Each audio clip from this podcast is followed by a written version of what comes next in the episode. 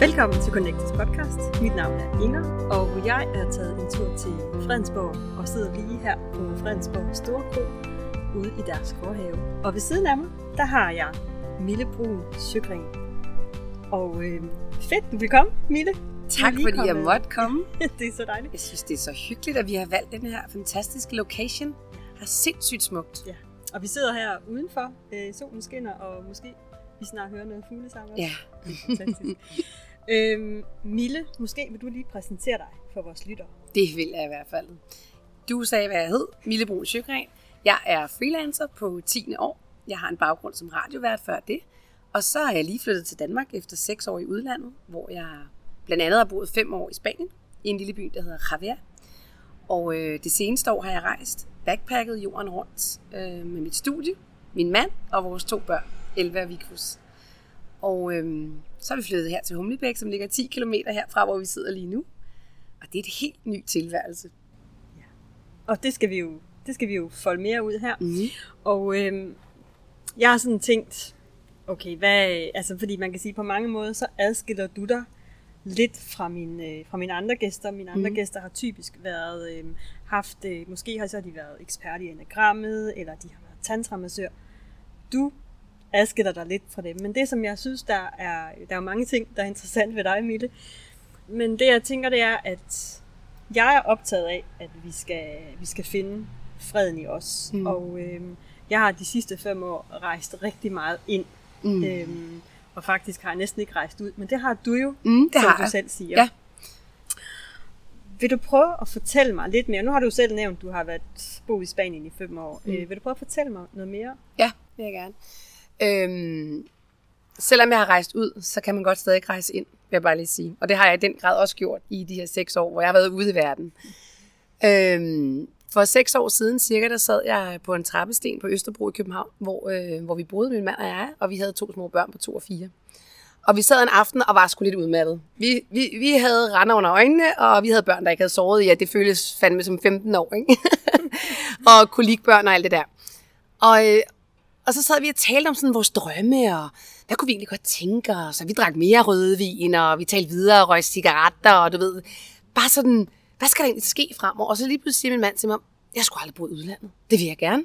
Og så var jeg sådan, nå, vil du det? Jamen, så lad os gøre det. Og så lige pludselig var det sådan, som om det bare stod helt klart for os, at det var da det, vi skulle. Jeg havde selv boet i udlandet før, og, og jeg har også rejst rigtig meget tidligere, så for mig var det ikke farligt. Øhm, men selvfølgelig, da vi ligesom var blevet ædru og sådan noget, man skulle til at rigtig tænke det igennem, så var det jo sindssygt farligt, ikke? og masser af bekymringer og sådan omkring det. Men øh, den aften på den trappesten, der tog vi simpelthen beslutningen om, at øh, nu skulle vi ud og bo et eller andet sted. Vi anede ikke hvor, men vi skulle ud og bo et eller andet sted. Og øh, det blev så Spanien. Vi har intet forhold til Spanien. Der var ingen af os, der talte spansk. Jeg tror, jeg har været der to gange i hele mit liv. Men vi ville gerne et sted hen, hvor det var tæt på Danmark, fordi vi begge to var selvstændige øh, og havde danske kunder. Og det skulle gøre, være sådan, at vi kunne flyve hjem, hvis der ligesom mm, skulle være noget, hvor vi ligesom skulle være i Danmark. Ikke? Og øh, det skulle være et sted, hvor der var varmt, og der skulle være sol. Og et sted, hvor vores børn kunne gå på en skole, eller børnehave, eller hvad det var, øh, hvor det ikke var for ah, rigidt. Det måtte gerne minde lidt om det danske system. Så jeg fandt netop sådan en, en hollandsk, øh, international, lille bitte landsbyskole der. Og det var faktisk derfor, vi endte med at flytte til Javier, som er en lille by, der ligger mellem Alicante og Valencia.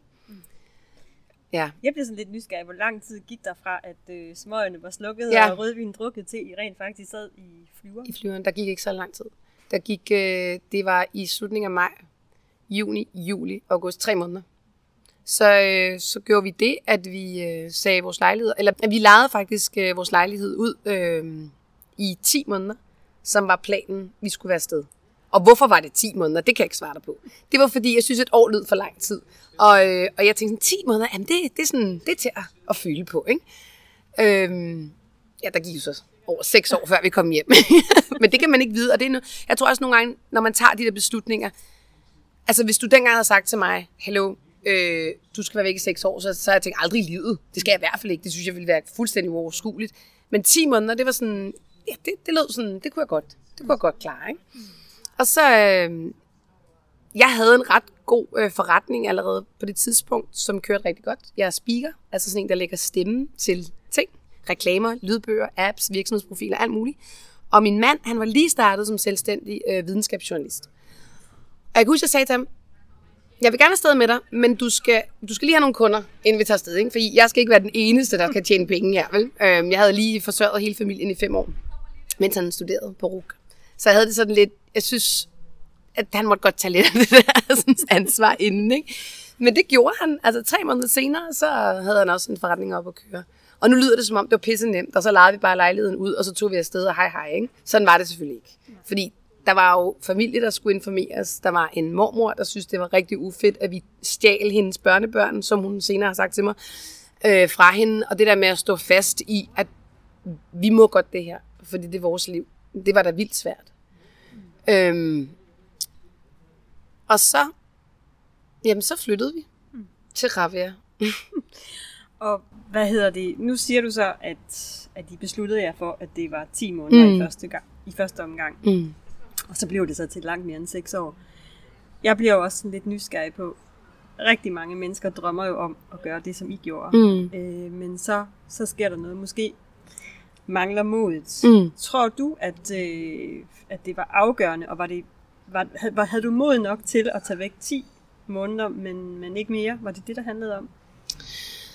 Øhm, ja, det, det kan godt være. Jeg tror, altså for, mm, jeg tror også, det handler meget om det der over for min mor. Altså, jeg havde, det her er også noget, jeg måtte kæmpe lidt med. Ikke? Altså, at jeg kunne ikke tillade mig at, at rejse længere tid væk, følte jeg.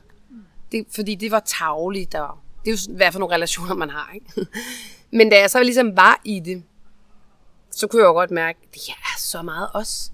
Vi skal så meget blive her. Nu er vi endelig faldet til, og det tager jo noget tid at falde til i et, i et nyt liv med et nyt sprog og med børn i en international skole, hvor de skal lære to nye sprog samtidig og så videre. Ikke? Øhm, men altså, jeg følte sådan efter et halvt år, at, at hvis vi tager om fire måneder, så er det som om, det er spildt. Så på en eller anden måde, jeg havde bare lyst til at være der mere. Mm. Øhm, men jeg ved i hvert fald, at hvis, hvis Christian havde, min mand havde sagt til mig, vi tager afsted i fire år, så havde jeg sagt, det kan jeg ikke. Det synes jeg er for lang tid. Mm. Så det havde jeg nok ikke mod til. Men jeg vidste jo heller ikke, nogle gange er det også svært at sige, hvad har man mod til, for man ved jo ikke, hvad man kommer til. Så en gang imellem må man også bare tage nogle små skridt, som man faktisk siger på spansk, poco poco, ikke? Og det, og det tror jeg faktisk også er en god vej til, hvis der er noget, man gerne vil i livet, som man drømmer om. Man behøver jo ikke at altså, kaste sig ud i det fuldstændig hovedkult. Man kan jo godt tage nogle små skridt, og så finde ud af, hey, kan jeg egentlig lide det her? Kan vi trives i det? Kan børnene trives? Eller, eller får de tæsk med en spansk chorizo-pølse, hvis de ikke opfører sig ordentligt i skolen, eller hvad det nu kan ja, være. Ikke? Ja, ja. Man kan være bange for. Øhm, men ja. Og det er jo i virkeligheden rigtigt, at man kan sige, det, det første skridt er jo det vigtigste. Uanset og det sværeste. Hvor, og det sværeste, ja. men også uanset, hvor, nu kan man sige, at det er jo ikke et lille skridt at tage 10 måneder til, til Spanien, men, men det er jo selvfølgelig lille set i, i sammenligning med at være væk i mere end 6 måneder, mm. eller i 6 år. Ja, ja, det er rigtigt. Øhm, ja, men jeg, jeg tror, at altså, det der med mod, altså der er også nogle, altså der, jeg hører jo tit, ej, hvor I modige, I bare tør, og men, men jeg har det faktisk også sådan, jeg tør faktisk ikke at lade være med at gå efter de ting, som jeg drømmer om, eller som jeg har lyst til at prøve af i livet, fordi altså, jeg har ikke lyst til at sidde, når jeg bliver gammel, og sidde og tænke, gjorde jeg ikke det, dengang jeg kunne, og hvorfor gjorde vi ikke det, eller hvorfor gjorde vi ikke det? Altså allerede nu fortryder jeg, at vi ikke øh, tog min barsel ude, for eksempel, eller faktisk begge vores barsel Hvorfor gjorde vi ikke det? Hvorfor fik vi ikke den tanke, ikke? Det tænkte vi bare ikke på på det tidspunkt, vel? og det, det gider jeg ikke nu, så jeg vil gerne kunne handle på de idéer, som jeg har. Ja gjorde jeg undervejs nogle, eller også inden I tog afsted, nogle, nogle overvejelser om, hvad det betød for jeres børn? For det har jo også betydet, at de er taget ud af deres trygge vand, der rammer. Ja, de var jo ret små. De var to og fire, da vi tog afsted, ikke? Mm. Tre, næsten fem. Øhm... Hmm. Selvfølgelig tænkte jeg over, hvad det ville betyde for dem. Jeg var, jeg var nervøs for, om de kunne trives i sådan et internationalt miljø. Og der må jeg bare sige, vi skal fucking slappe af med, hvad sådan nogle børn de kan trives i. De er jo så vilde. De er så nogle svampe. De er så omstillingsparate. Og jeg tror, det er jo vores egen angst i virkeligheden, ikke? for hvad der skal ske, og kan det gå galt. Og jeg har da sådan, okay, så lad os sige, at de ikke trives. Hvad var så det værste, der kunne ske? Jamen, så tager vi sgu da bare hjem igen. Så jeg tror, at altså set med bagklogskabens øjne, der, øhm, der skal vi ikke bekymre os så meget. Vi bekymrer os alt, alt, alt for meget i forhold til, hvad der, der kan ske. Men det er klart, det havde jeg da dengang. Jeg var da nervøs for, om det ville gå godt. Jeg stod der også tudet, når jeg afleverede dem ind i den der, sådan, så, øh, hvad hedder det, skole der, når jeg kom ikke? så afleverer du børnene der, når de kan overhovedet ikke sprogene. Og jeg tænker, shit, man skal hente dem seks timer senere. Ikke? Altså, hvordan vil man selv have det, ikke? hvis man skulle ind på et arbejdsplads, hvor man ikke forstod noget af det, folk sagde? Ej, det ville da være totalt forfærdeligt, ikke? men, men der gik helt seriøst, ikke? der gik fire måneder, så kommunikerede de fint på engelsk og på spansk. Øh, I hvert fald min, st- min store dreng. Ikke? Øh, og min yngste var så lille, så hun kommunikerede primært på engelsk i starten. Øh, og de trives, og de havde det godt. Og det har været så godt for dem. Og specielt min yngste har været godt for, fordi der er en helt anden ro, end det hun kom fra i sådan en Københavner børnehave. Altså, og hun, hun er lidt sen, var i hvert fald lidt sensitiv, så det har været meget bedre for hende. Ja. Og jeg tænker også, altså nu siger du, du startede selv med at lægge ud og sige, at I sad der og var, og var simpelthen trætte, som havde I været. Ja, ja. hæft for trætte mand. og et eller andet sted, så forestiller jeg mig også, at altså, livet er jo anderledes i Spanien, så det betyder mm. også en masse ja. for den måde, vi er sammen med, med ja. vores børn. Ja, og så vil jeg sige, så, så sker der jo også det, altså jeg tror noget af det, som vi nok også søgte, det var, det var noget mere eventyr selvfølgelig, ikke? og det var noget, noget varme og sådan noget, men det var også, det var også at kunne være sammen med familien, altså bare vores familie, også fire, fordi jeg kan huske, at jeg tit tænkte, ej, hvor skal vi mange ting ikke? hele tiden i weekenderne. Og det er jo ikke ting, der er dårlige. Det er jo rare ting. Man vil jo gerne se sine venner, man vil gerne se sin familie, der, men det er jo booket op, ikke? Kalendertyraniet kalder jeg det. Ikke? Og jeg kommer aldrig derhen igen. Det gider jeg simpelthen ikke. Hvor du faktisk nærmest ikke ser din egen familie i øjnene, fordi der hele tiden er nogle andre ting, man skal. Og for var det befriende at flytte til Spanien, og du havde ingen planer i weekenden. Du skulle ikke noget. Du skulle bare være sammen med din egen familie, ikke? og lære dem egentlig at kende på en anden måde. Ja. Øhm, og tage ud på fede ture, og gå op og vandre i bjergene, og spise lækker mad, og skate nede ved, ved vandet, og mega fedt, ikke? Lære hinanden at kende. Det blev selvfølgelig ikke ved, fordi vi fik jo venner og alt muligt dernede, så, og børnene kom i skole og, og fik venner og aktiviteter og sådan noget, så det er klart, så bliver der jo flere forpligtelser på en eller anden måde, ikke? Jeg husker det første år, der var ikke så mange forpligtelser. Det var, det var virkelig fedt, synes jeg. Og det tænker jeg, at mange mennesker kunne have godt af, at få lov til at være sammen bare med deres familie, og ikke skulle have alle de der relationer. Altså, det er ikke, fordi jeg har ingen, ikke sådan nogle komplicerede relationer til min familie. Jeg har en dejlig familieliv, men, men der forventes jo altid noget af dig. Ikke? Altså, det gør der jo i alle relationer. Ikke? Så skulle det være ret befriende. Bare være sammen med min egen familie for en stund. Ja. Det, det gør dig ret tæt som familie, og giver en anden nysgerrighed måske også på dine børn og din mand. Og det jeg hørte dig sige, det er, at øh, I som familie, jer fire, som mm. var i Spanien, I fik en tættere relation. Ja. Hvad med relationen til dem, der så var tilbage i Danmark? Blev den også anderledes og til det bedre? Øhm, ja, altså jeg vil sige, noget af det, som øhm, jeg synes har været fedt, det er for eksempel, hvis mine forældre er kommet ned, og så har de været to uger hos os. Så har vi jo været sammen på en helt anden måde. Man plejer jo ikke at sove sammen, eller sove overnat hos hinanden, eller, og det synes jeg har været pissefedt. Og så dejligt. Det er en anden relation, fordi man ikke ses så tit, men til gengæld ses man mere intenst. Og det synes jeg faktisk har været ret fedt. Det har været en, en god ting. Og så øh, mine veninder og sådan noget har været vildt gode til at komme og besøge mig. Og jeg har også været god til at tage hjem. Så jeg synes, ikke, at, jeg synes faktisk ikke, at jeg er gået glip af relationer. Jeg ved ikke, om man kan sige, at de er blevet bedre, for jeg havde ikke nogen dårlige relationer før. Men, men der er der sket noget andet i for eksempel relationen til min mor. Det er der. Altså jeg forestiller mig også, at øh, det er i hvert fald noget, jeg genkender fra mit eget liv, mm. at når vi skal ses, så er det så meget ofte, men synes jeg måske ikke så slemt, som det har været, men så skal vi så kan man have enormt travlt med at blive klar til gæsterne kommer, og der skal mm. købes ind og gøres rent og laves ja, ja. Helt og, og vi er enormt meget værter eller værtinder, øh, så, så man når måske i virkeligheden ikke at være sammen, der hvor det er interessant, hvor at den rolle er man nødt til at droppe, hvis man er sammen i, i 14 dage sammen med dine forældre. Ja, det, det er man, og sådan en rolle er jeg jo slet ikke. Men så vil jeg bare sige, flyt til Spanien. Nu er du selv hus i Spanien, så du ved, øh, hvordan det er at, øh, at være i Spanien. Ikke? I Spanien, der står du ikke og være inde. Der kommer folk bare med maden. Altså, at du laver en paella ude i haven, og så dumper de ind med noget salat og lidt. Altså, det er så uformelt. Og det, den, det der, det elsker jeg. Jeg elsker sådan noget uformelt noget, hvor alle folk kommer og hjælper lidt til. Og, og det er meget spontant også. Altså, det var altså et ret godt eksempel, det her. Øhm, som, som man ikke kan i Danmark. Hvis mine børn blev inviteret til børnefødselsdag i Spanien, så gjorde de det to dage før. På en lørdag. og så fik man sådan en invitation ned i tasken, og så siger de, der, der, der lørdag, du lyt. Man behøver ikke engang sige, at man kommer eller Det, det er de ligeglade med. Og så, de fleste kom altid. Og jeg tænkte, men jeg forstår simpelthen ikke, hvordan... Altså to dage før, vi kunne, vi kunne som regel også godt, fordi vi havde heller ikke sådan familierelationer dernede, men hvis jeg gjorde det her i Danmark, ikke, så ville der være absolut nul, der kom. Jeg forsøgte at holde en velkomstfest her i, øh, i august måned. Jamen, det kunne ikke lade sig gøre, for der var ingen, der kunne komme. Ingen af de fire weekender, jeg foreslog. Så tænker jeg, nej, så dropper jeg bare. Det skulle ikke holde. Men det er ret vildt, ikke? Ja. Altså, i Danmark er vi meget med kalender, og meget med planlægge. Og det synes jeg godt kan være lidt trist, fordi det kan være lidt, øh, spontaniteten går lidt af, ikke? Og det er i hvert fald noget af det, jeg har lært ved at flytte til Spanien. Ja, ja. ja. Men, men Spanien blev jo, blev jo ikke nok for Nej. jer. Så rejste, I, så rejste I ud derfra. Ja. Det blev i virkeligheden bare en, en, nu ved jeg godt, men det er jo ikke bare måske, fordi det er trods alt et andet land med andre rammer, men det blev så en ny base for mm. jer i forhold til at tage ud. Hvad drev jer til så at... Så videre. Ja. Altså jeg vil lige sige, at de fem år, vi boede i Spanien, har været de fem bedste år i mit liv. Altså det har været absolut den vildeste beslutning at gøre det. Så jeg vil også sige til dine lytter, hvis nogen sidder og tænker, gud hvor er det fedt, det kunne jeg egentlig også godt tænke mig at prøve. Gør det. Altså det kommer man bare ikke til at fortryde. Det er, det er så, og ja, det vil jeg faktisk sige, det er også for vildt en rejse ind i dig selv, nu vi snakkede om det, du startede med at sige. Fordi du lærer så mange ting om dig selv lige pludselig, fordi du skal forholde dig til den kultur, du kommer fra, og din nye kultur, som du skal leve i, som jo er anderledes. Du skal forholde dig til nye sprog, du skal lære et nyt sprog, hvilket jo er skide svært, når man bliver ældre. Ikke? Øh, men også en meget kreativ proces, faktisk. Og, øh, og du kommer også i kontakt med dine relationer, de gamle relationer og nye relationer. Så der, der er faktisk rigtig meget arbejde indad i sig selv. Øh, jeg har virkelig forandret mig meget på de her fem år, vil jeg sige. Så det, på den måde er det også spændende, ud over alt det fede, man får ved, ved, ud over det. Ikke?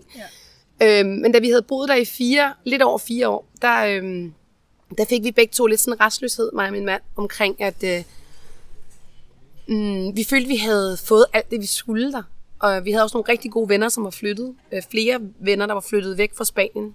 Øh, når man lever i sådan et internationalt miljø, som vi har gjort. Vi havde også spanske venner, vi har spanske venner, men så flytter folk jo. Og det synes jeg faktisk godt kunne være lidt hårdt. Så vi fik også sådan en, ej, hvad skal vi nu? Fordi vi havde ikke lyst til at flytte til Danmark endnu, der var vi ikke. Men øh, min mand har altid gerne ville rejse jorden rundt og backpack hele jorden rundt. Da jeg mødte ham for 15 år siden, der spurgte han mig, om jeg ville cykle jorden rundt med ham i 11 år og få nogle børn. Det gad jeg selvfølgelig ikke, for man det røven af, ikke? Sådan en cykel i 11 år, er du rigtig klog. Men øh, så jeg vidste godt, at det ville han gerne. Ja. Og jeg har altid rejst vildt meget, så, så jeg vidste godt, at på et eller andet tidspunkt, så var det noget, vi skulle. Lige så kiggede på hinanden og sagde, gud, vores børn er blevet store. Det er da nu, vi skal. Det er da nu, de kan. De kan da godt komme med nu i så lang tid med en backpacker. Gud, hvordan gør man egentlig det? Og så besluttede for, at vi gerne vil rejse et år rundt om jorden. Og hvordan gør man egentlig det? Og kan vi egentlig tage vores arbejde med? Og jeg var slet ikke så bekymret for, om jeg kunne, for nu havde jeg jo bevist over for mig selv de sidste fire år, at det kunne godt lade sig gøre. At være freelancer og tage ud i verden med mit arbejde. Jeg er nærmest aldrig blevet bedt om at komme hjem og lave noget. Men jeg har så gjort det alligevel, fordi jeg gerne vil holde kontakten. Ikke? Og øhm, så opsagde vi huset. Pakkede vores ting. Og købte fire backpacks og, og fik bygget mig et nyt studie, så jeg kunne transportere med rundt. Altså, rejse med en gigantisk taske, ikke? det er sgu lidt besværligt, men det bliver man nødt til, for jeg vil jo gerne skabe god lyd. Ikke? Stadig ja. godt kunne levere god lyd.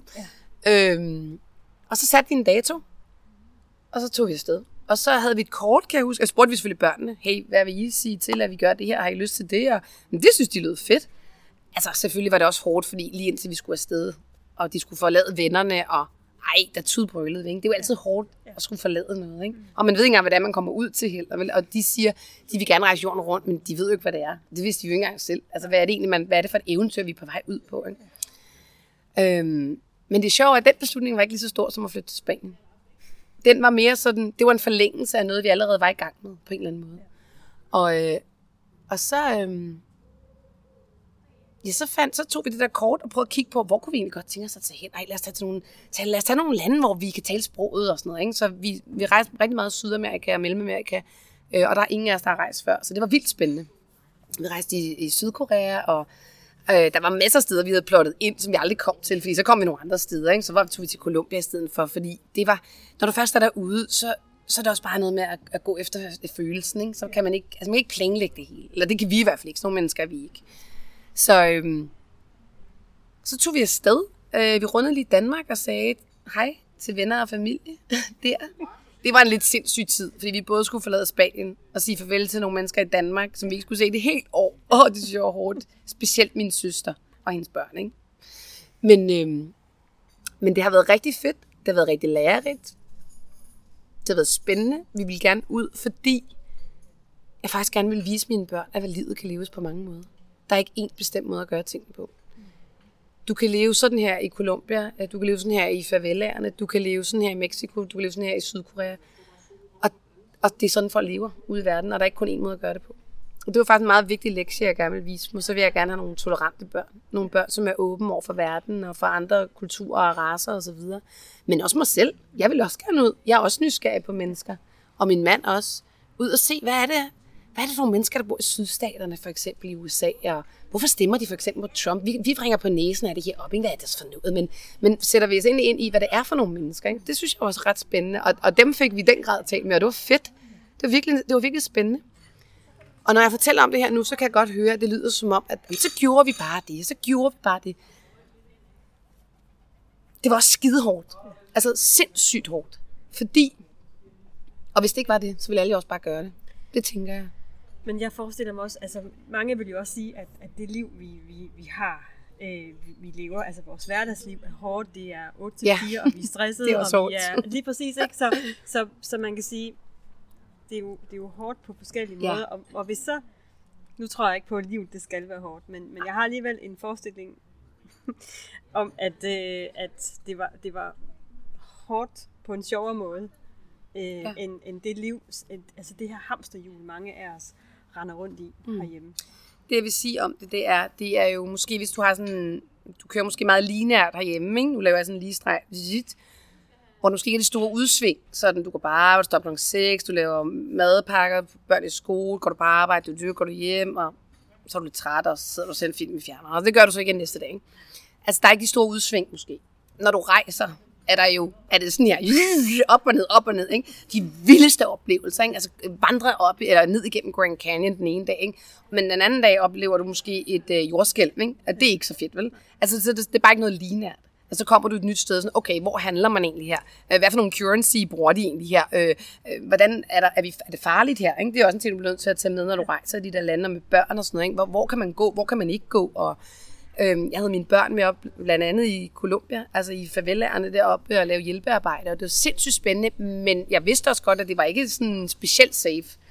Mm. Men vurderede alligevel, at, at det, det kunne vi godt, ikke? Ja. Øhm, så, det, så du er meget på arbejde på ting, som udover at du har dit arbejde, og dine børn går i skole, og du er ude med de vildeste oplevelser, så har du alle de andre ting også. Ikke? Du skal finde ud af transport, hvor skal vi bo, er det farligt, øh, hvad skal vi opleve? Så det er sådan, der er bare mange ting, ikke? Man skal kunne, men, men til gengæld så får du også bare de der helt vilde oplevelser, ikke? Der bare, hvor du bare mærker, at jeg er i live. Ikke? Og det tror jeg godt, vi kan få, det har vi brug for som mennesker nogle gange. Og så kan man sige, nu er det ekstremt, vi har rejst et helt år, men man kan jo også rejse i to måneder, eller en måned og få de her oplevelser. Ikke? Og det er jo sådan noget, man kan huske tilbage på flere år efter. Ikke? Og jeg synes også noget, noget andet interessant i forhold til det, det er også det der med tiden. Jeg var lige inde i en butik inde i København i går, fordi jeg skulle bytte en trøje, jeg havde fået i fødselsdagsgave. Og så siger hun til mig, er du på vej ud at rejse? Fordi jeg var derinde sidste sommer og købe noget. Så siger jeg, nej, det er et år siden, jeg har været her. Det var, jeg har været ude at rejse. Så siger hun, det er løgn. Er der gået et år siden, du var har du været ude at rejse? Så sådan, øh, ja. Og så siger hun, det er jo helt sindssygt, ikke? Men mit år, ikke? det har jo været spækket med oplevelser, ikke? Hun har den her forretning, og så er hun, det er jo ikke fordi, det er kedeligt eller noget, jeg siger bare, at tiden går sindssygt hurtigt, når man gør det samme og det samme og det samme. Rutinepræget arbejde er det, eller rutinepræget liv, eller man kan sige. Men hvis du sætter det lidt i stå, så er det jo faktisk de der oplevelser, der kan gøre det. Altså de der, vi måler faktisk ikke tiden i tid, men vi måler dem faktisk i oplevelser. Ja. Og det er ikke noget, jeg selv siger, det er noget, jeg har lavet et interview om med en, med en forsker, der har forsket det her. Ja. Så det synes jeg faktisk er ret interessant.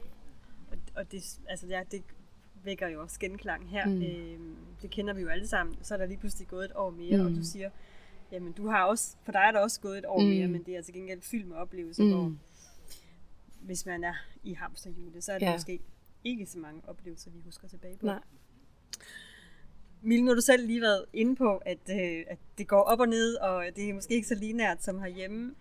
Jeg så, du delte her på en af de sociale medier her den anden dag, øh, et, et billede af, at øh, at det var jo så ikke lige dig, men hvordan du måske havde forestillet dig, at det skulle være, når du lå i din lækre autocamper. Øhm, fordi sådan er det jo ikke altid. Altså virkeligheden er jo en anden. Vil du prøve mm. at sætte et ord på det? Ja, det vil jeg gerne. Altså jeg kan huske, inden vi tog afsted, der sad jeg og googlede sådan lidt rundt på nogle billeder, og så, så fandt jeg det her billede af et helt vildt lækkert par, ikke? Altså, og hun lå der med en lækker rumpet, og han lå der, de var også i øvrigt yngre end mig. og der var ikke nogen børn i ligningen, det er lige meget. Men jeg forestillede mig, så lå de sådan en autocamper og kiggede ud over den smukke natur, og så forestillede mig, ej, det er sådan der, vi bare skal leve det næste år, ikke? Ej, hvor er det fedt, ikke? Og så øh, har jeg, må jeg så erkende, at, at det var ikke lige sådan, der vi levede. vi var i mange autocamper, blandt andet på Island, hvor bremserne lige pludselig svigtede, og øh, midt ude på motorvejen. Vi har været en autocamper i USA, øh, hvor der var en bil, øh, der kørte ind i os, øh, og smadrede hele siden på det. Heller ikke ligesom den der autocamper, jeg så på billedet. Og så lejede vi blandt andet en bil på Costa Rica, og det er så det billede, du så også hensyder til, hvor min mand en eller anden dag, øh, øh, vi kommer kørende med GPS der, og så lige pludselig er der en flod, og så siger jeg sådan, ej, kan man ikke godt køre over den her flod? Vi har lige set en røv af en anden bil køre op på den anden side. Og så er vi sådan, ah, det kan man nok godt, hvis han kunne. Så siger jeg, okay, vent lidt, jeg går lige ud og tjekker i floden, ikke, om vi kan køre over. Ikke? Og det gør jeg, og jeg siger, kom herover, kom herover. Så ved jeg ikke, hvad der sker op i hans øh, primale hjerne, men han tænker, kvinde, du skal ikke bestemme over mig. Og så knaller han bare den der bil fuldstændig ned i floden. Og det ender med, at vi sidder fast, og han åbner døren, fordi han bliver desperat og lukker alt vandet ind, altså flodvandet, og siger, du må køre. jeg skubber. Så øh, jeg sidder så i den her flod med vand helt op til navnen, øh, og forsøger at få den ud, øh, mens han skubber. Vi får den ikke ud, vil jeg bare lige sige. I hvert fald ikke alene. Og, øh, og det er det der med forventningerne til, hvordan noget nyt skal være. Ikke? Eller man begiver sig ud på et eventyr, eller et nyt job, eller hvad det kan være. Ikke? Det er sjældent, det er sådan der, som man forestiller sig, det er. Men det betyder ikke, at det behøver at være dårligt, fordi man ender i en flod, og ikke ligger med en lækker mand i en autocamper. det er bare noget andet. Og, øhm, og min, min pointe med det var egentlig, at vi skal gøre det alligevel. Altså selvom, selvom vi er bange, eller vi, vi bekymrer os om, hvad det kan være, der er derude i den verden, eller, eller i, i den nye virksomhed, man vil starte, eller den vej, man vil gå. Vi skal gøre det alligevel, for vi skal ture. Vi skal ture gøre det her ting, for jeg tror faktisk på, at jo mere vi tør, jo lykkeligere ender vi faktisk med at blive. Øhm, men, men, øh, men vi havde mange vilde oplevelser, som jeg ikke havde forestillet mig, at vi skulle have, men som jo også har, har gjort noget for os og familien. Både de fede og også de ufede oplevelser. Ikke? Ja, ja. Man står lige pludselig sammen på en helt anden måde. Ikke? Og nu, nu sagde du i, i starten af foredraget, at det at rejse ud kunne også være at rejse ind, og det, mm. det, det tror jeg også på. Mm. Vil du prøve at øh, dele nogle af de ting, der er gået op for dig, mm. som, som, som har været din indre rejse, indre proces i løbet af de sidste 5-6 år? Ja, jeg vil sige, jeg tror, min første rejse indad har været, mens jeg har boet i Spanien. Øhm, Nej, også, også mens jeg har rejst jorden rundt, men faktisk mere, men det er også fordi det er en længere periode, tror jeg, på en eller anden måde, som har forandret sig over tid. Jeg tror, at min rejse indad har skyldtes øh, flere ting, men blandt andet mødet, som jeg også sagde, med andre kulturer. Altså fra at komme fra en kultur, som jeg, jeg ikke er forstokket eller noget, men, men måske er vi sådan lidt selvklade i Danmark omkring, at vi synes, at har rigtig fedt og har rigtig godt. Og det er her også. Og er dejligt, vi har et godt system og uddannelsessystem og alt muligt. Men de kan altså også godt finde ud af det ude i verden. Øh, og jeg har måske selv tænkt sådan, jamen det danske sygehusvæsen er i hvert fald et af det verdens bedste. Det er det ikke. Det danske barselssystem må være et af det verdens bedste. Det er det ikke. For eksempel i Tyskland har de et meget bedre barselssystem, end vi har i Danmark. Og jeg tror, at den der sådan, aha-oplevelse med, og i øvrigt også det spanske øh, øh, sygehussystem er sindssygt godt. Er sådan noget, gud, ja, de kan faktisk godt finde ud af også at gøre sådan nogle ting ude i verden. Vi skal måske ikke være så arrogante omkring vores, øh, vores system herhjemme. Det ved jeg ikke, om, men det føler jeg i hvert fald selv, jeg er. Det føler jeg egentlig også, folk er i virkeligheden, fordi de er uvidende ja. omkring det. Ikke? Men der bliver også født børn i resten af verden, for eksempel. Ikke? Øhm, det er en ting. Det der med at se sin egen kultur lige pludselig udefra, har været ret spændende rejse, synes jeg.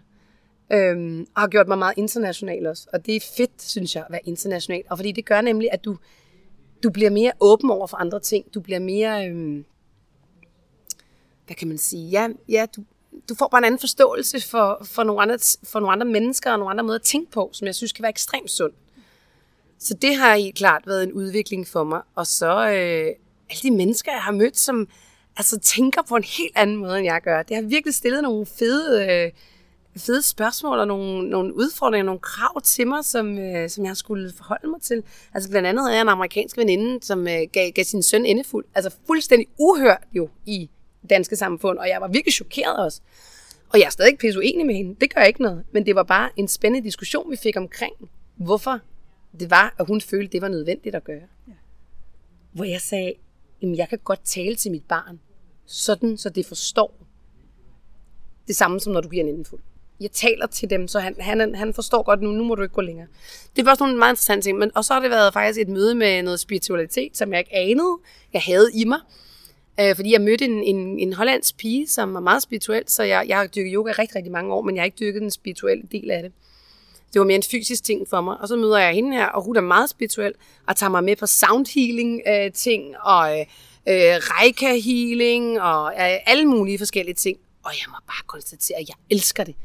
Jeg, jeg, altså sound healing, det er det fedeste, jeg nogensinde har prøvet. Altså, du, den rejse der ind i mig selv omkring hele det der jeg ved ikke, jeg synes, det er enormt svært at tale om spiritualitet, fordi hvad, hvad fanden er det egentlig? Der er noget forskelligt for mennesker, men, men hele det energi, energi, der er i verden, ikke? det har været enormt spændende for mig. Øhm, og jeg lærer stadigvæk alle mulige ting. Men det, her, det synes jeg har været, det har været en fed rejse. Og den kunne jeg også møde i Danmark, det siger jeg ikke. Nu mødte jeg hende tilfældigvis bare der. Øhm, og så er der også meget af sådan noget i Spanien faktisk.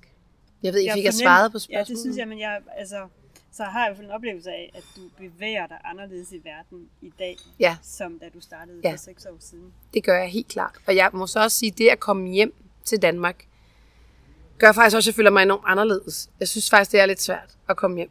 Fordi jeg føler mig dansk, fordi det er jeg, og jeg er vokset op her og alt muligt, og har boet her største del af mit liv. Og alligevel ikke. Og det er, det er faktisk lidt underligt. Og øhm, jeg ved, at rigtig mange folk, der har været ude, føler det her, som jeg føler. Så på den måde er det ikke specielt.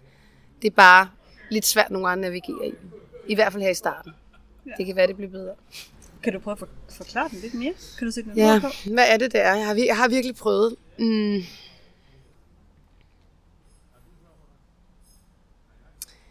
Øh, jeg føler, at jeg har en anden bevidsthed.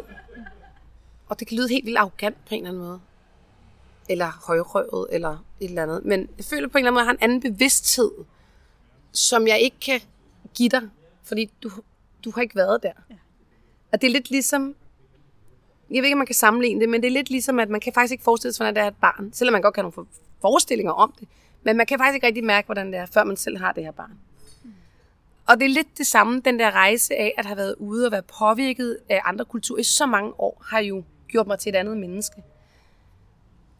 Og, og, og det, jeg tænker på en anden måde. Jeg tænker på en anden måde, end de mennesker, jeg omgås med. Jeg tror måske lidt, det er det. Jeg føler også lidt på en anden måde, end de mennesker, jeg omgås med. Det er meget svært for mig at sætte ord på. Ja, ja. Men, men det er noget af den dur. Ja. Nu er du kommet hjem, ja. øhm, og det, inden vi startede optagelsen her, sagde du, at, øh, at det var egentlig meget rart. Ja. Øhm, det er selvvalgt. Altså, vi, vi, vi gør jo kun, hvad, hvad der passer os. Ja ja, vi har jo friheden begge to til at gøre, hvad der passer os. Det betyder faktisk ekstremt meget for både mig og min mand. At øh, vi har valgt at være i Danmark nu. Så det er ikke noget, hvor det er sådan, folk siger, gud nej, ej, gud, hvad det, er det, uh. Nej, vi har jo valgt det. Vi vil gerne være her nu. Ikke? Vores børn skal i en dansk skole, og de skal have nogle venner, der, der, der bliver for en gang skyld. Ikke? Ja, ja. Øhm, så det, det vil jeg bare lige putte ind, at det er selvvalgt, og vi kan tage afsted lige så snart vi gider være med igen. Mille, nu siger du, at I er, at I er kommet hjem frivilligt, og, øh, og nu skal I være her, og, og, og jeres børn skal have lov til at gå i skole, måske et helt år, mm. inden I skal ud og rejse. øhm, og så forestiller jeg mig, nu har du lige siddet og sagt, at det er også lidt svært at komme hjem, og du kan ikke helt, du føler dig ikke ligesom os andre, uden at være arrogant. Mm. Hvad tror du, det kommer til at gøre ved, nu ser jeg jeres ophold i Danmark, øh, fordi måske bliver det kun et ophold, eller hvad? Har du selv nogle planer? Se, det kan man jo heldigvis ikke vide noget om. Og det er det, der er så fantastisk, for jeg er ikke spurgkone, Så jeg ved jo ikke, hvad fremtiden bringer. Men jeg tænker, at med tiden bliver jeg... Jeg tror, jeg beholder mange af de ting, som jeg har fået med udefra. Men med tiden lærer jeg at, at, at sluse mig selv ind i den danske kultur igen. Men med de ændringer, som jeg også synes øh, betyder noget for mig, med de værdier, der betyder noget for mig. Blandt andet, jeg gider ikke at planlægge alting. Jeg gider, jeg vil, være, jeg vil have plads til, at vi kan være spontane. Øhm, det, er en, det er en meget vigtig værdi, faktisk, for mig. Mm. Og, øhm, og jeg vil også stadigvæk have muligheden for at lukke nye mennesker ind i mit liv. Fordi det er faktisk ret berigende. Øhm, man kan jo have de samme venner i overvis, ikke? Og man er i de der forskellige roller, man nu er i, for sådan er det, men når du lukker nye mennesker ind, og det er sådan set ligegyldigt, om de er fra Spanien, eller Korea, eller fra København, eller Aarhus, så sker der jo noget. Og det er ret fedt. Det vil jeg, det vil jeg tage med. Øhm, og så spørger du, om vi bliver her. Ved du hvad, det kan jeg ikke svare på. Altså planen er, altså i min plan, jeg er ikke sikker på, at min mand har helt den samme plan, men det, må vi, det finder vi ud af hen ad vejen. Det er, at vi er her i hvert fald fem år. Øhm, og så, så kunne vi faktisk også godt tænke os at bo, prøve at bo i USA. og så kan det være, måske hvis børnene skal på college eller et eller andet, så kan det være, at vi gør det i nogle år. Jeg har i hvert fald lært, at, at øh, altså, intet er umuligt. Og vi kan jo tage beslutningen i morgen. Selvfølgelig skal børnene med. Jeg ved godt, de bliver ældre, de har en større saying i det her. Vi kan ikke bare sige, nu, nu flytter vi, hvis de er 16 og 17 år. De siger, nej, kunne gør vi ej, fordi vi bliver her. Og den er jeg helt med på, så, så derfor var det også et godt tidspunkt, vi tog afsted med børnene på. Ikke? Men øh, jeg tror egentlig gerne, de vil. Altså, jeg tror faktisk gerne, de vil. Og jeg får egentlig lyst til at indskyde, og det er måske, fordi jeg selv mærker noget, at, at det at tage en beslutning om at rejse ud og så mm. komme hjem, er jo ikke nødvendigvis, eller det er jo på ingen måde et nederlag, øh, fordi det ikke lykkes, eller fordi det ikke var, som man drømte om. Øh, jeg synes jo i virkeligheden, man skal, man skal være glad for, at man turde tage det skridt, fordi et eller andet sted, så skal vi også, vi skal også turde træde ud og, Og undersøge, fejle. ja, Mm. fejle, men også undersøge, altså kunne det, kunne verden se anderledes ud? Det er jo også det, jeg håber, Mm. øh, at kunne, øh, kunne inspirere folk til med mine podcasts. Mhm. Fordi jeg, jeg tror, at altså, jo mere... Altså, det er jo også en måde at blive, blive mere informeret og oplyste på, øh, hvilket jeg tror er vejen Mm. til, at vi bliver langt mere rummelige Mm. over for hinanden. 100 procent. Og ved du, hvad det også er? Det er en rejse i erfaring. Det er, det, og jeg har det altså sådan, hvad er egentlig det værste, der kan ske? Det værste, der kan ske, er, at du har lavet dig en pissefed erfaring. Du har mødt nogle nye mennesker. Det kan da godt være, det ikke var sådan, du forestiller dig. Det kan også være, det giver helvede til. Du lærte ikke spansk, du kunne ikke lide det. Så tog du dig hjem igen, så fandt du det ud af det. Altså, det, vi skal ikke være så bange for at træde ud, tror jeg. Og, og træde forkert i øvrigt. Og, og få den erfaring altså, i livet. Det tror jeg faktisk er en vigtig pointe. Så Mille, sådan her på faldrebet, Mm. så sidder der måske nogle lyttere og tænker, ja ja, det kan hun. Det var meget nemt, og hun er speaker, og hun kan ja. arbejde alle ja, steder. ja, så skide nemt. Hvis nu, øh, hvis nu vi skal skyde, skyde dine undskyldninger ned, Mm. hvad, hvad, hvad vil du øh, give af råd til dem, ja. Der lytter med her? Jeg vil i hvert fald først lige sige, at jeg har hørt ofte det der, det er også bare så nemt for jer, fordi vi er freelancer. Men jeg blev jo ikke freelancer fra den ene dag til den anden. Jeg er faktisk uddannet folkeskolelærer, min mand er uddannet biolog fra RUK. Så vi kunne sagtens have haft helt almindelige job 8-16. Det har vi bare valgt ikke at have. Og alle valg har nogle fravalg. Og at være freelancer giver rigtig mange fravalg. Ikke? Dem kan jeg godt fortælle om senere, men det gør jeg ikke i den her podcast. Men det siger jeg bare. Øh, bl- blandt andet pension og sådan. Ikke? Nå, nu fik jeg lige sagt det alligevel. øhm, du spurgte mig om altså, hvis, råd ja, til... Øhm, hvis nu, nu sidder Ja. der og øh, ja, har den ene fod sat frem, mm-hmm, og alligevel så... mm, mm, mm. Men altså, mit råd må, må være, altså hvis det, er noget, man, hvis det er noget, man har lyst til at prøve, så vil jeg virkelig gøre det. Og så det er jo klart, du behøver ikke gøre det i morgen. Du må jo arbejde dig hen imod, hvordan kan du gøre det? Kan du tage dit arbejde med, du allerede har? Er det okay, at du faktisk sidder et andet sted og arbejder? Der er jo rigtig mange arbejde, arbejdssteder eller arbejdspladser, hvor du bare sidder foran en computer, og det er faktisk lidt ligegyldigt, om du sad øh, på Bali eller i Spanien eller i København eller Aarhus. Og øhm, så kan man jo godt spørge, er det okay, at jeg for eksempel tre måneder om året øhm, sidder et andet sted? Fordi det, det, det også vil give mig øh, som menneske, det er, at jeg kan føle mig mere fri, at jeg skal stadig nok lave arbejdet, men det gør noget godt for mig, og det vil gøre noget godt for virksomheden. Øh, så det, mit råd er at finde ud af, hvordan man kan arbejde sig hen imod det. Og selvfølgelig, hvis man vil være freelancer øh, eller selvstændig, så må man jo finde ud af, hvad er mine kompetencer? Hvad er det egentlig, jeg kan? Og kan jeg gøre det digitalt? Og det øh, har jeg lavet masser af podcast om. Det kan man jo ikke gå ind og lytte til den digitale nomade, hvor der ligger masser af sådan nogle podcast om, øh, hvilke nogle jobs du kan have øh, online. Og øh, hvis man skal sådan sige lidt mere sådan, altså give, give skubbet til det, så er det virkelig det der med, at vi har kun et liv, ikke? Du gider ikke sidde, når du bliver gammel og tænke, hvorfor fanden gjorde jeg ikke det? Vi skal tage nogle flere chancer. Det vil være, det vil være mit råd. Og du sagde det jo i virkeligheden også i starten, at, mm. at, at du turde i virkeligheden slet ikke lade være med Mm-mm. at, at tage på den her rejse. Mm-mm. Det, det tør jeg ikke, fordi for, fordi livet på en eller anden måde er så skrøbeligt, og det skal ikke lyde som om, at nu dør vi alle sammen i morgen, men nogen gør jo en gang imellem, ikke? Og øhm, ja, ja, det er ikke derfor, jeg har rejst ud i verden eller søgt ind eller alle ting. Men jeg har selv oplevet at være ved at dø en, en gang, da jeg var 23 år. Så jeg ved det. Jeg kender også øh, veninder, der har mistet deres mænd til kraft. Jeg, jeg ved bare, at det kan godt ske. Og derfor er det så, jeg tror, det er så vigtigt, at vi griber det liv, vi selv vil have. Altså, vi skaber det liv, som vi selv vil have. For ellers så render vi lidt halv tilfredse eller sådan halvulykkelige rundt i livet. Det skal vi ikke. Vi er så kort tid, ikke? Så opfordringen herfra må være, Ja. tag skridtet, Ja. uanset. Ja. Ja. Uanset Om om du så- er bange, eller hvad det er. Gør, gør det, du vil. Ja. Gør det, der gør dig glad. Fantastisk. Jamen, øh, Mille, tak. Det var, øh, det var jo, det er jo en helt anden måde at rejse på, end, øh, Ja. end jeg. Men jeg kan også, øh, jeg kan godt mærke, at der er noget, der sidder i mig, og jeg kan også godt genkende det her med at ville give mit barn noget andet mm. end, end det, Ja. som ligger sådan lige. Ja, og jeg må altså sige, når jeg kigger på mine børn i dag, selvom der er også nogen, der har været bekymrede for det der uge her ud i verden og alt det der, shit, hvor har jeg nogle velafbalancerede børn. Det har jeg. Der taler tre sprog, som kan rejse jorden rundt. Der er, sti- altså, hvad de ikke kan, ikke? og hvad, ikke kun hvad de kan, for det er ikke kun noget med, hvad man kan, men også, hvad det er for nogle mennesker, de er blevet, og hvor omsorgsfulde de er blevet over for andre, og det synes jeg bare er fuldstændig fantastisk at se. Ja. Dejligt at høre. Dejligt at møde dig, Mille. lige måde, Inger. Tusind tak. Virkelig glad for, at du inviterede mig med. Selvfølgelig, tusind tak. Og øh, til jer, som lyttede med, indtil vi høres ved igen, må I have det rigtig godt. Hej så længe.